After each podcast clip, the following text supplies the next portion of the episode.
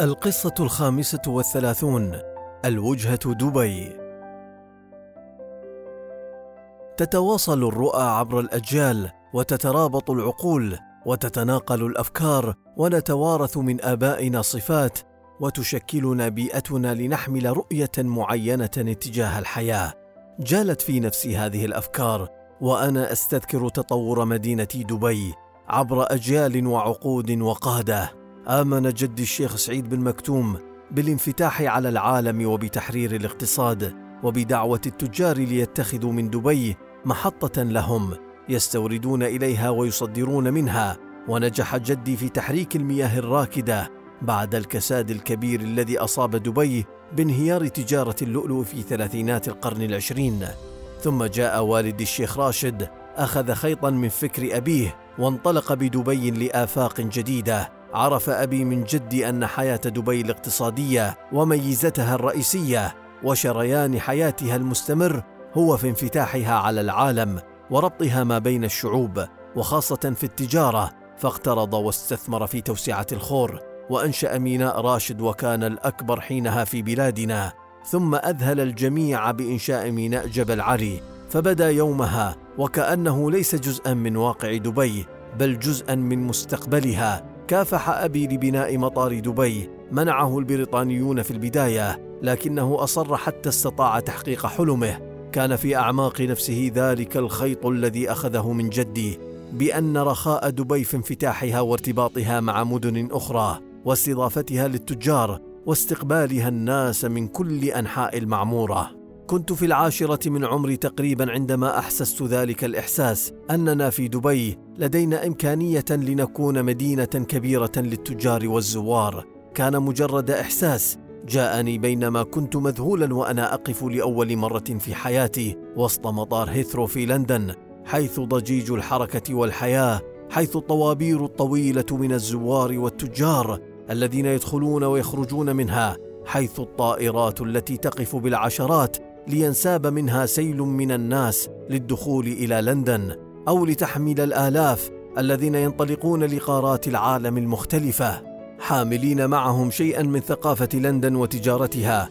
كان ذلك في العام 1959 حيث كان والدي حينها في زيارة إلى العاصمة البريطانية ليحاول إقناع رئيس وزرائها آنذاك هارولد ماكميلان بالسماح لدبي أن تبني مطارها. وكنت يومها أحلم بأن يكون لدينا مطار. مرت السنوات وبنت دبي مطارها واتجهت حياتي نحو العمل السياسي والعسكري مع بداية الاتحاد وانطلاق رحلة بناء الدولة الاتحادية. لكن بقيت في داخلي قناعة ازدادت مع الأيام أن مستقبل دبي أن تكون وجهة وهي قناعة متوارثة. لا أنسى حين طلب أبي من شركة الخطوط الجوية البريطانية لما وراء البحار BOAC عند تدشين مطار دبي تسيير رحلة تربط دبي مع مومباي أو بومباي كما كانت تعرف آنذاك. رفضت الشركة ذلك بحجة عدم وجود طلب على المقاعد في هذا الخط حسب دراستهم. كان جواب والدي اربطوا بين دبي ومومباي وأنا أتكفل بأي مقعد شاغر. فوافقت الشركة وشغلت الرحلة وكان الخط ناجحا ثم توالت الخطوط والرحلات. حتى وصلت إلى خمسة عشر خط طيران تصلنا باثنتين وأربعين وجهة في الشرق الأوسط وأوروبا. في نهاية السبعينات بدأت تلك القناعات تتشكل بطريقة أوضح في ذهني. كنت في حديث مسائي مع والدي عندما أخبرته بأننا لا بد أن نطور طيراننا المدني بشكل أكبر ونستثمر في المطار بشكل مختلف ونبدأ تسويق دبي بشكل جديد. نظر والدي في عيني رأى جديتي في الموضوع. قال لي تعال بخطة خلال يومين. عندما دخلت مكتبه بعد يومين كنت أعرف أنه سيسمع شيئا غير الذي كان يتوقعه. فردت أوراقي نظرت إليه وابتسمت فابتسم انتظارا وترقبا. أرجع كرسيه للوراء وأخرج غليونه وبدأ يصغي باهتمام. عرضت عليه مشروعي الذي أسميته الوجهه دبي ديستنيشن دبي لم يكن المشروع تطويرا للمطار فحسب بل للمدينة كوجهة.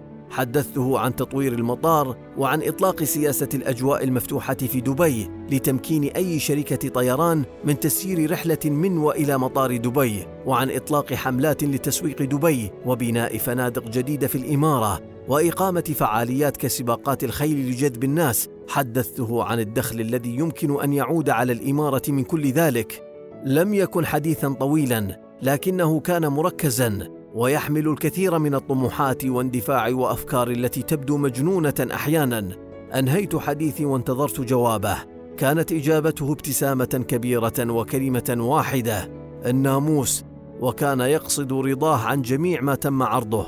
ومن ذلك اليوم تم تعييني مسؤولا عن كافة شؤون التجارة والتسويق السياحي وتطوير المطار في دبي. بدأنا الرحلة ولم نتوقف حتى اليوم. أذكر مع بداية الثمانينات كان المطار يضم محلات تجارية صغيرة تبيع الطعام والتبغ ومستلزمات المسافرين. سمعنا عن مطار شانون الدولي في إيرلندا الذي طور أول منطقة سوق حرة في العالم.